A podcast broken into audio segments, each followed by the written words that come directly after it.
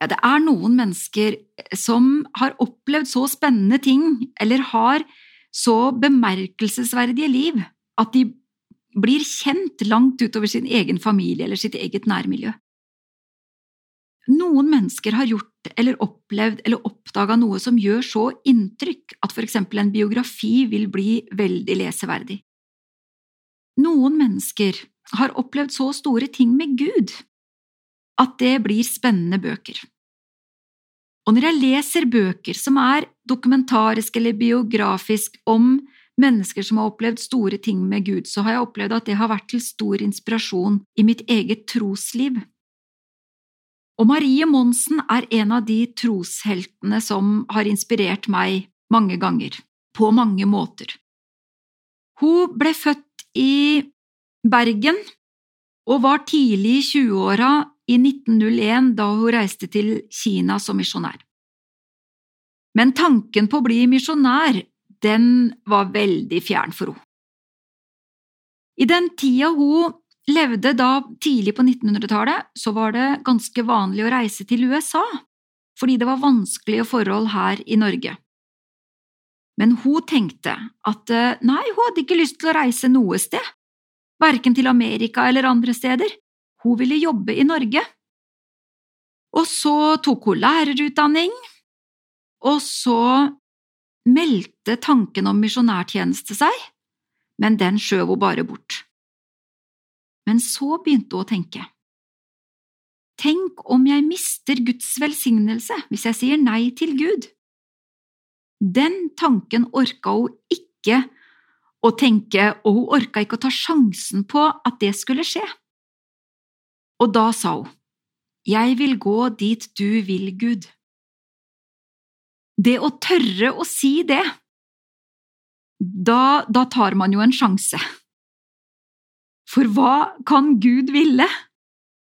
Ok, Gud, jeg gir livet mitt til deg, jeg gir valget til deg, jeg gir denne tida til deg, jeg gir denne ressursen eh, som jeg er, eller eh, jeg gir meg selv.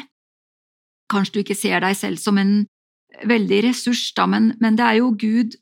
Gud vil bruke deg, og han vil bruke meg. Det er en modig bønn å be. Jeg vil gå dit du vil. Det du vil, det vil jeg, Gud. Det førte til at hun reiste til Kina som misjonær. Og før hun dro, så tok hun også et år på diakoniskolen for å lære seg litt sykepleie, for det tenkte hun kunne være, praktisk å ha som misjonær.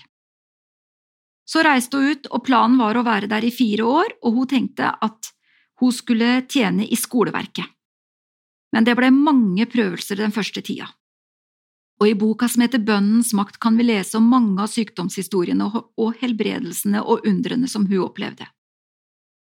Hun sier selv at hun lærte å kjenne Gud gjennom sykdommen, og at hun lærte en vei gjennom det. Troens vei. Og den første helbredelsen skjedde uten kjennskap til troens vei i dette. Etter bare én måned falt hun ned en jerntrapp og fikk en kraftig hjernerystelse det satte en stopper for språkstudiene, og legen som hun hadde, sa at å studere språk det var helt uaktuelt i to år, så da måtte hun bare lære det muntlig, hun lærte bare ved det hun hørte og kunne gjenta. Etter seks år med hodesmerter ble hun helbreda ved salving og bønn. Så opplevde hun en senere gang at, tre, at hun fikk tre sykdommer på en gang – malaria og dysenteri og lumbago. Hun var i en båt, og den var ikke så egnet som sykestue. De kom forbi en stor by, og i den byen var det en norsk-amerikansk lege. Det ble hun så glad for, for hun tenkte han ville hun gå til. Men så hørte hun en stille hvisken. Og det er jo ofte sånn Gud taler. Så sier denne stemmen, Hvem tror du mest på? Legen eller Gud og Hans ord? Så begynte hun å sitere bibelvers, Jesaja 53, 53,4.